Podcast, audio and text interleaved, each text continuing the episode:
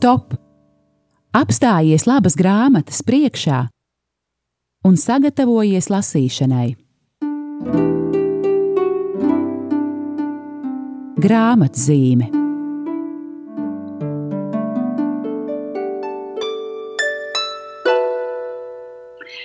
Esiet sveicināti, mīļie radio Marija Latvijas klausītāji! Trešdiena, pulksten viens, un tas ir laiks skanēt raidījumam grāmatzīme, kurā es tāja valoda mēģinu jūs eh, no klausītājiem pārvilināt lasītāju pusē. Proti, stāstīt par kādu labu, interesantu grāmatu, ieinteresēt jūs un eh, Eh, panākt to, ka jūs šo grāmatu lasāt. Kaut man izdotos arī šoreiz.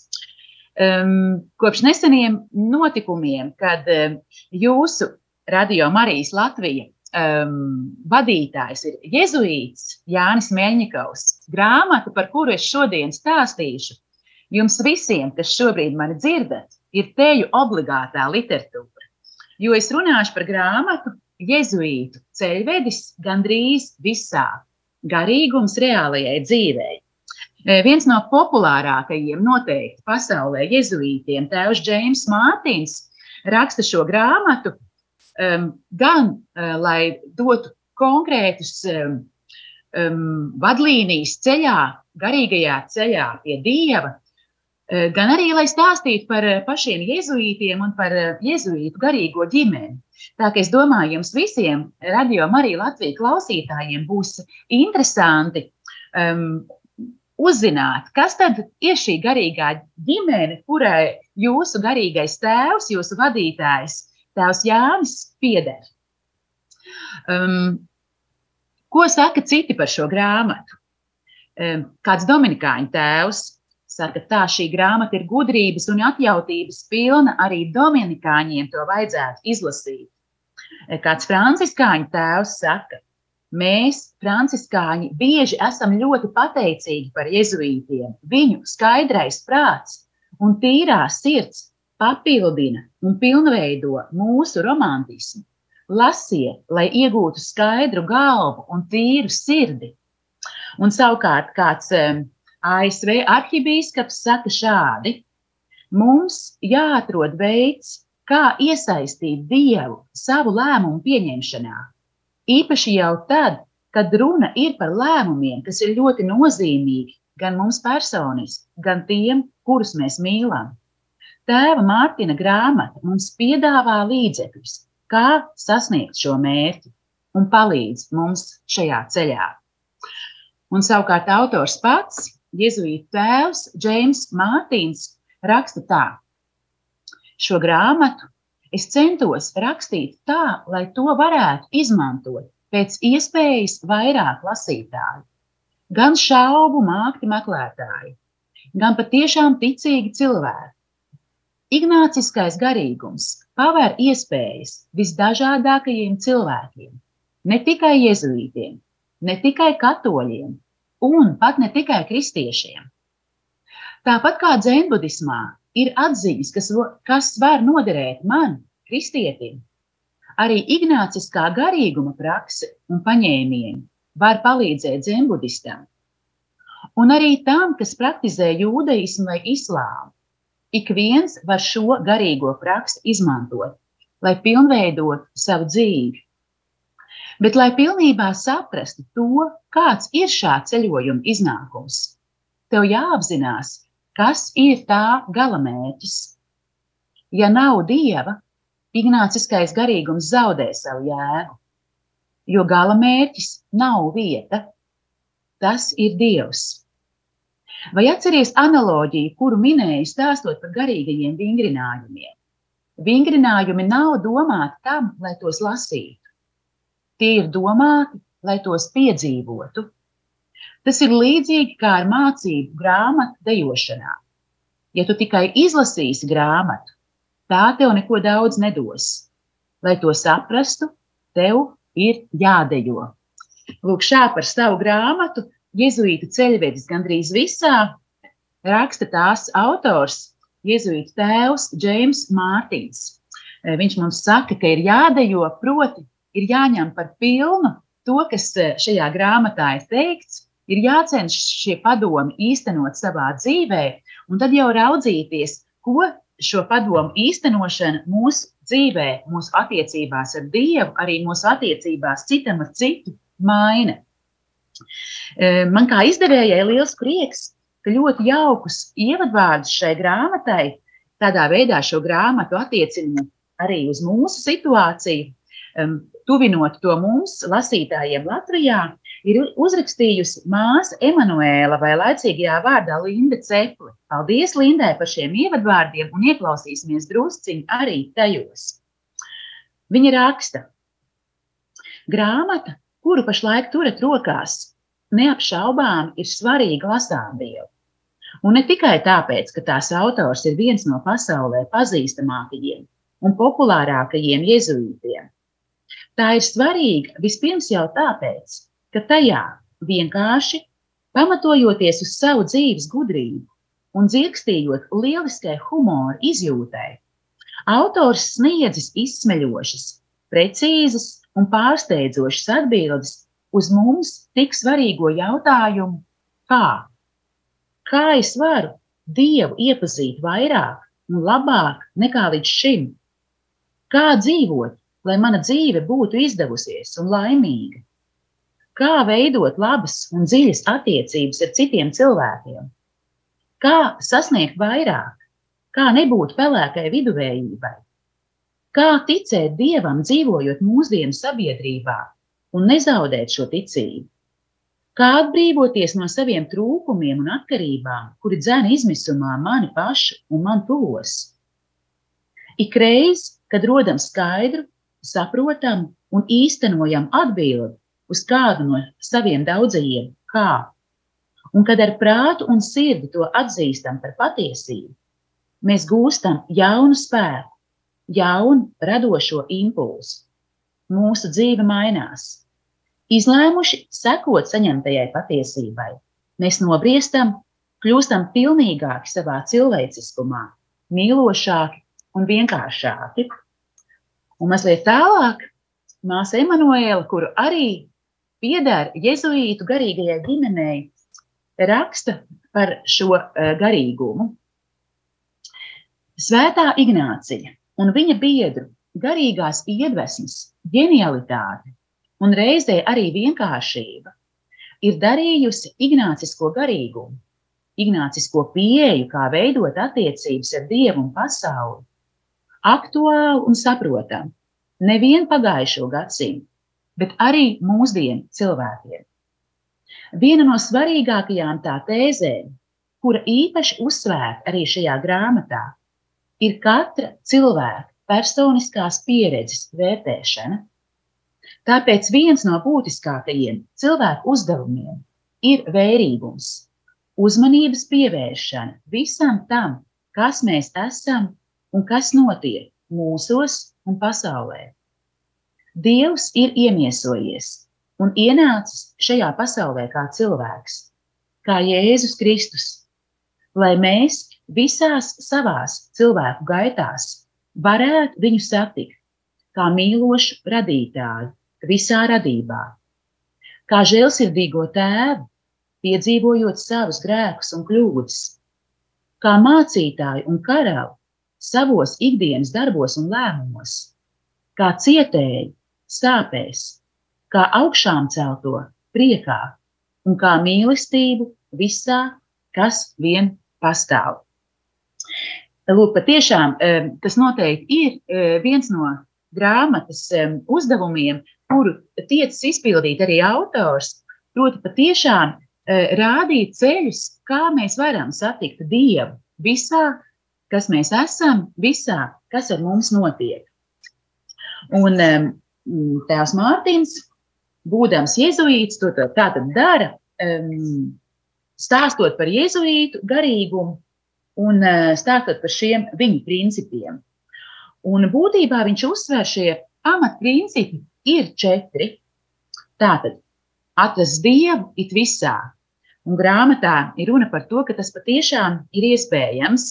Un tas ir iespējams ne tikai klosteru ļaudīm, ne tikai dievam veltītajiem cilvēkiem, Nē, tas ir iespējams ikvienam, lai kāds būtu mūsu aicinājums, lai kāda būtu mūsu kārta, lai kāda būtu mūsu ģimenes situācija un tā tālāk.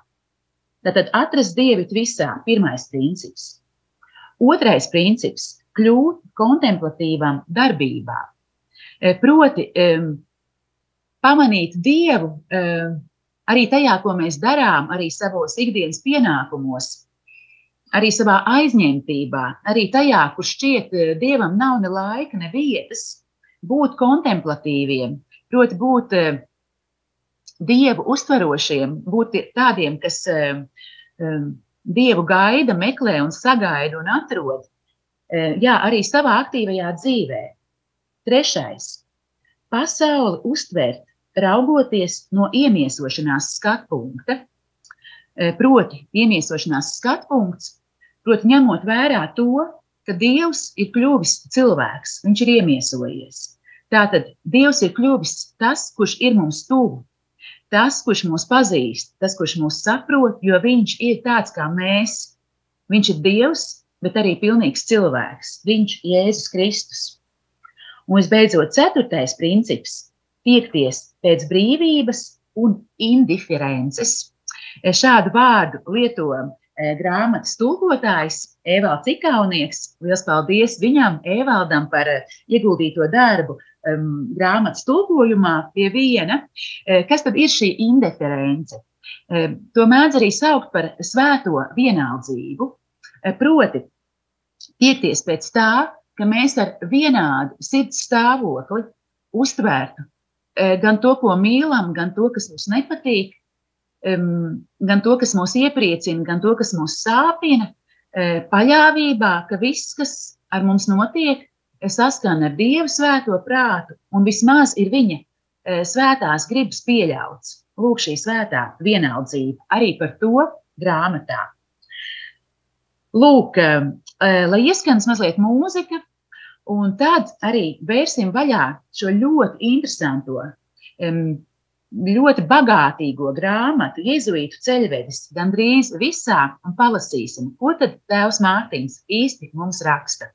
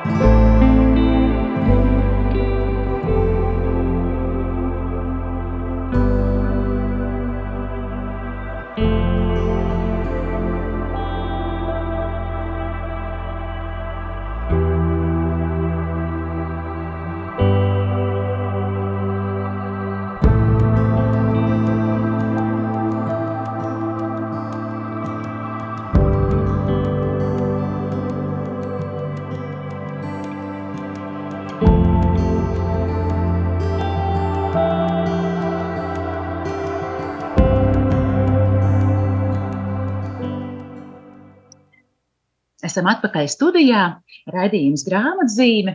Ar jums runā Aija Baloda, man palīdz Olga Velika no studijas. Un mēs šodien runājam par brīnišķīgu grāmatu Jēzuītu ceļvedis gandrīz visā Liels ir mūsu izdevniecības kala raksti. Prieks, ka mums bija iespēja gadu nogalē šo grāmatu atkārtot, izdot, jo kādu laiku tā lasītājiem nebija pieejama tā vienkāršā iemesla dēļ, ka tirāža bija beigusies. Liels prieks tagad iepriecināt tos eh, lasītājus, kas mums pa brīdim jautāja, nu vai nebūs jezuītu ceļvedis atkal netiks izdots tika izdots. Tagad jēzuītu ceļvedis gandrīz visā atkal ir pieejams. Un liels man prieks arī šajā raidījumā grāmatzīme par šo jauko grāmatu jums stāstīt. Es mazliet pirmajā daļā ieskicēju, ka tātad tēvs Džeims Mārtiņš, viens no populārākajiem jezuītiem pasaulē, noteikti tajā runā par mūsu garīgo dzīvi, par mūsu garīgo ceļu un atsaucoties uz jezuītu garīgumu uz šo jēzuītu garīgās ģimenes, eh, uz, uz šīs garīgās ģimenes principiem. Bet, lai nešķistu, ka grāmata ir sarežģīta vai varbūt grūti uztverama, um, ļaujiet man arī nolasīt dažus um, eh, tādus iestarpinājumus um, grāmatas tekstām. Uh, Proti, grāmatas tekstu autors pa brīdim izpušķo ar kādiem maziem stāstīņiem, varbūt pat anekdotiskiem gadījumiem vai ar kādiem gadījumiem iz dzīves, kādu interesantu fragment no citas grāmatas un tā tālāk. Un tostarp par jezuītiem un arī citām garīgām ģimenēm viņš raksta tā. Tā Jezuīti sekoja Ignācija no Loyolas norādījumiem par praktisko garīgumu. Ir kāds jautrs nostāsts par franciskāni, dominikāni un jezuītu, kuri kopā celebrē svēto misiju un tad pēkšņi baznīcā nodzies gaisma. Franciskānis sāk slavēt Dievu par iespēju dzīvot vienkāršāk. Dominikānis uzsāk gudru sprediķi par to, kā Dievs pasaulē radījis gaismu. Savukārt jēzuīts steigšas dodas uz pagrabstāvu, ieskrūvēt drošinātājus. Lūk, arī tas raksturojot um, um, jēzuītu garīgumu, praktisko garīgumu, kā Džeims Mārtiņš raksta. Eh, cits iestarpinājums grāmatā. Visos cilvēkos ir grāmatas nodaļas eh, tāds apakšvirsraksts. Un autors raksta, atrast dievu it visā nozīmē atrast dievu arī visos cilvēkos. Svētais Alfons Rodrīgas bija jēzuītu brālis, kas 46 gadus nokalpoja jēzuītu koledžā Maljorkā, Spānijā, veicot necilo durvju sārga pienākumu. Um, cits jēzuīts, Džozefs Tailanda, par viņu grāmatā Jēzuītu svētie un mocekļi raksta. Viņa pienākums bija sagaidīt koledžas apmeklētājus, sameklēt ordeņa tēvus vai studentus, kur, kurus gaidīja pieņemama, pieņemamajā telpā, nodot ziņas, kalpot par izsūtāmo, mierināt noskumušos un nelaimīgos, kuri nāca pie viņa, jo nebija neviena cita, pie kā vērsties, un dot padomus satrauktajiem, kā arī izdalīt žēlastības dāvanas nabagiem. Svētais Alfons centās sastapt Dievu katrā konkrētajā brīdī. Kungs, ļauj man tevi iepazīt, un ļauj man iepazīt pašam sevi. Viņš lūdza. Ik reiz, kad atskanēja durvju zvans, viņš paskatījās uz durvju pusi un iedomājās, ka tas ir Dievs, kas aiz tām, kas aiz tām stāv un vēlas ienākt. Ejot ielaist apmeklētāju, Svētais Alfons Rodrīgas ikreiz teica: Kungs, es nāku, Vai nav brīnišķīgi? E, šādi un citādi tādi nelieli pastāstīji ir e, tiešām rotā ilustrē šo grāmatu cauri un cauri šajās lapas pusēs. Ah, un vēl vienu es gribēju tādu mazliet anekdotisku stāstīņu izlasīt, un vai gan mēs tajā neatpazīsim arī katrs sevi. E, tas ir nodaļā par lūkšanu. Eh, un te autors raksta, kāds vīrs nevar atrast brīvu vietu baznīcas autostāvvietā. Būdams vedējtēvs, viņš no nekādi nedrīkst nokavēt laulību ceremoniju, kurai tūlīt jāsākas. Dievs, viņš izmisumā lūdz, es visu atlikušo mūžu daļu, ik svētdienu iešu baznīcā, ja vien tu tūlīt atradīsi manu vietu. Un pēkšņi viena vieta tiešām atbrīvojas. Hā, neņem galvā Dievs, viņš atbild. Es nu pat pats atradu. Vai nav brīnišķīgi? E, lūk, e, bet, e, ja, at, ja atgriežamies pie grāmatas satura, protams, tajā nav tikai joki un tikai anekdotas, nebūtu nē. Tā ir ļoti nopietna grāmata. Tā ir ļoti saturīga, ļoti padomiem bagāta, pārdomām bagāta aizkustinoša. um, nu, ļaujiet man kaut vai palasīt um, nodaļu virsrakstus, un jūs sapratīsiet, cik grūti bija izvēlēties, ko tad no šīs grāmatas izcelt šajā nelielajā raidījumā. Piebildīšu grāmatai ir um, vairāk, teju 400 lapas pušu, um, rīcības veids, ko tu vēlies, seši ceļi pie dieva, ticības ceļš, neatkarības ceļš, neticības ceļš, atgriešanās ceļš, izpētes ceļš, apjukuma ceļš, garīgs, bet ne reliģiozs, atrast dievu it visā. Ko tu vēlies? Uzsākot lūkšanu dzīvi, draudzība ar Dievu. Dievs tevi sastop tur, kur tu esi. Vienkārša dzīve, līdzīgi eņģeļiem par šķīstību, celibātu un mīlestību vairāk darbu nekā vārdu, draudzību un mīlestību, ļauties nākotnē, paklausību, pieņemšanu un ciešanas. Kas man jādara? Ignāciskā pieeja lēmumu pieņemšanā. Esi tas, kas tu esi. Un visbeidzot, kontemplatīvi darbībā. E, nu, es ceru, jūs arī sapratāt, cik ļoti tiešām bagāta ir šī grāmata, cik dažādas tēmas tā uh, iztirzā. Bet man šķita, varbūt nebūtu slikta doma paskatīties vairāk uz eh, nodaļu draudzību ar Dievu. Galu galā par to taču arī ir radio Marija Latvija, vai ne? Vai tad vispār šī raidstacija nav tādēļ, lai stiprinātu mūsu draudzību ar Dievu? Un um, interesanti ir uh, šīs nodaļas apakšvirsraksti. Kāda tad ir padoma?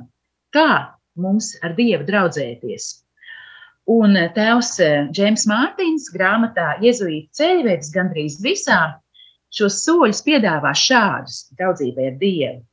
Pavadīt kopā laiku, iepazīt, būt godīgam, ieklausīties, vēl vairāk uzmanīgi ieklausīties, mainīties, būt klusumā. Un visbeidzot nodeļas beigās jaunie ceļi ko Dievs tev sagatavojis. Un uh, atvērsim šo nodaļu, uh, 139. lapas pusi par uh, apakšvirsrakstu mainīties. Un ko tad tēvs mums raksta? Ko tad tēvs mums raksta? Um, veselīgu attiecību aspekts ir izmaiņas. Draudzība, kas aizsākusies bērnībā vai pusauģa gados, var būt visbagātākā. Taču tad, ja mēs neļausim draugam mainīties, draudzība nekļūs ne dziļāka, ne nobriedušāka. Savukārt izmaiņas var apdraudēt gan draudzību, gan attiecības ar Dievu. Daudzi ticīgie uzskata, ka viņu attiecības ar Dievu paliks tādas pašas, vai arī ka tām jāpaliek tādām pašām, kādas tās bija viņu bērnībā. Dažiem piemēr, pieaugušajiem, piemēram, šķiet, ka viņi nedrīkst dusmoties uz Dievu vai arī justies vīlušies, jo šādas jūtas viņi bērnībā nepieļāva. Vai arī, kas ir ticamāk, viņiem tika teikts, ka šādas jūtas ir sliktas. Tā, paiesim mazliet uz priekšu. Mm. Kad cilvēks sāk ar nodomu pievērsties garīgajai dzīvei. Lūkšana parasti sagādā prieku. Kā tas ir visās attiecībās, sākuma posmā viss tiek darīts ar aizrautību. Lasīt svētos rakstus un garīgas grāmatas ir izpriece. Runāt ar citiem ticīgajiem par garīgumu ir patīkami. Dievkalpojumi baznīcā šķiet ļoti saistoši. Viss ir dabiski, viegli un sagādā prieku, Gluži kā mīlas dēkas sākumā. Urā, tu domā, ir tik jauki būt garīgam. Bet drīz vien ar lūkšanu, sarunu vai sirdsapziņas balss starpniecību tu tiec aicināts laboties, atteikties no grēcīgas izturēšanās, mainīt savu dzīves stilu, vārdu sakot, mainīties. Tu vari konstatēt, ka egoisms nav savienojams ar tavu jaunu atrasto ticību. Tu vari just aicinājumu piedot kādam, kura rīcība tevi ir dziļi aizvainojusi. Tu vari just vēlēšanos uzsākt jaunu, vienkāršu dzīvi, saskaņā ar svētajiem rakstiem.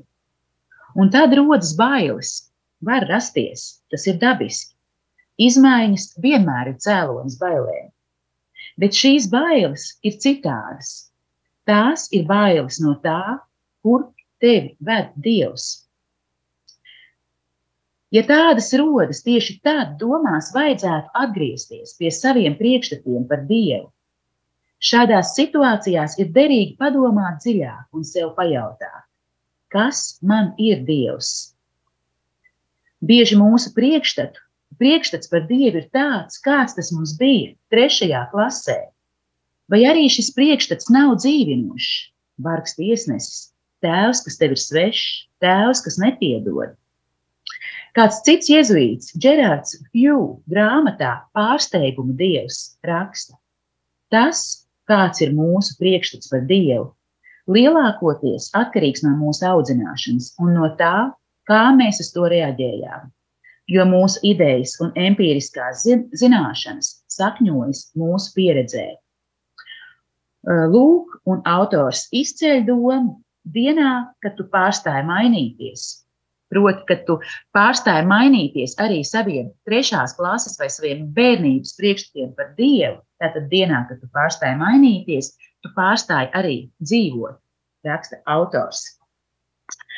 Lūk, šķirstam grāmatas nodaļu draudzību ar Dievu.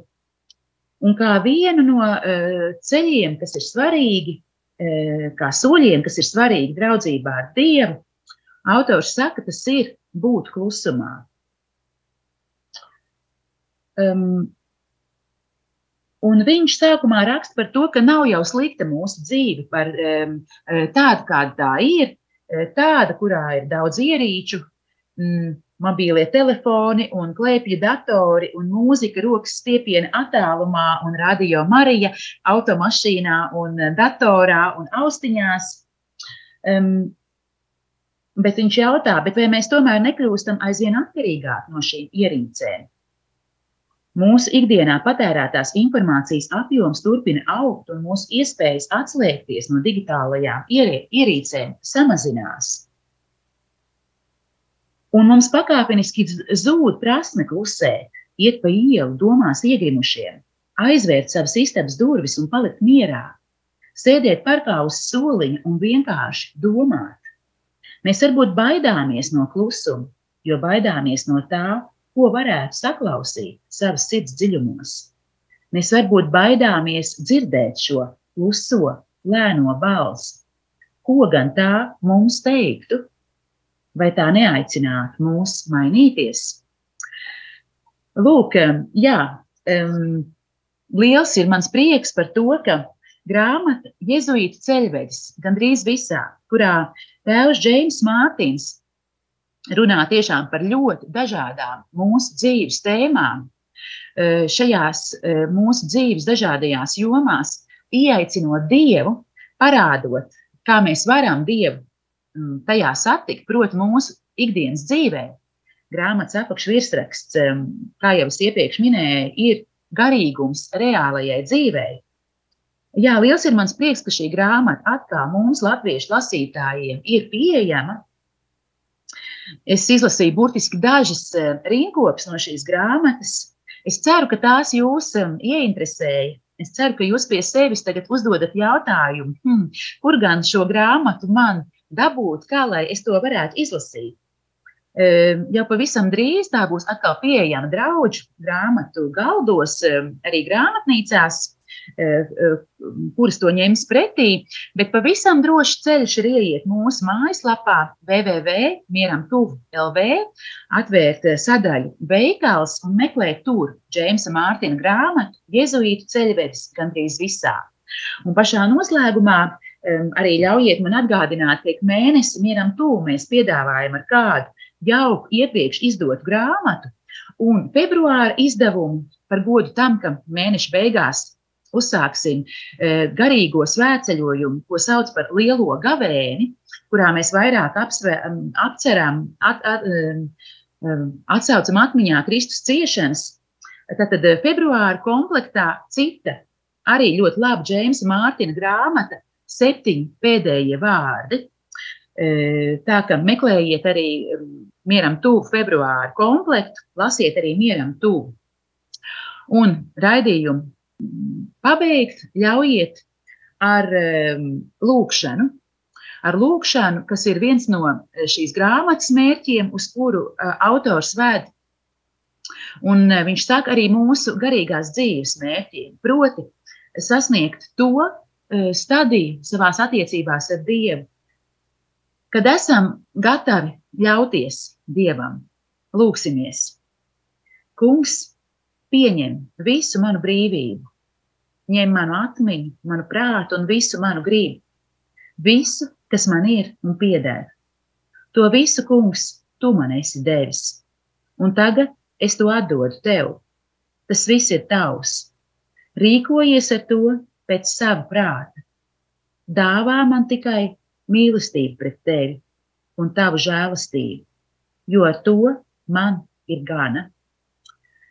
Lūk, ar šo skaisto svētā Ignācija no Lojas, jēzuītu um, ordeņa dibinātāju, ar šo skaisto viņu lūgšanu. Beigsim šo raidījumu grāmatzīmi Tiksimies atkal pēc divām nedēļām, un tad šķirsim vaļā atkal kādu citu jauku grāmatu. Paldies par uzmanību, lai jums brīnišķīgs dienas turpinājums. Visu labu!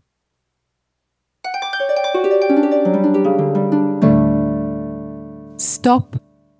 Apstājies labas grāmatas priekšā un sagatavojies lasīšanai.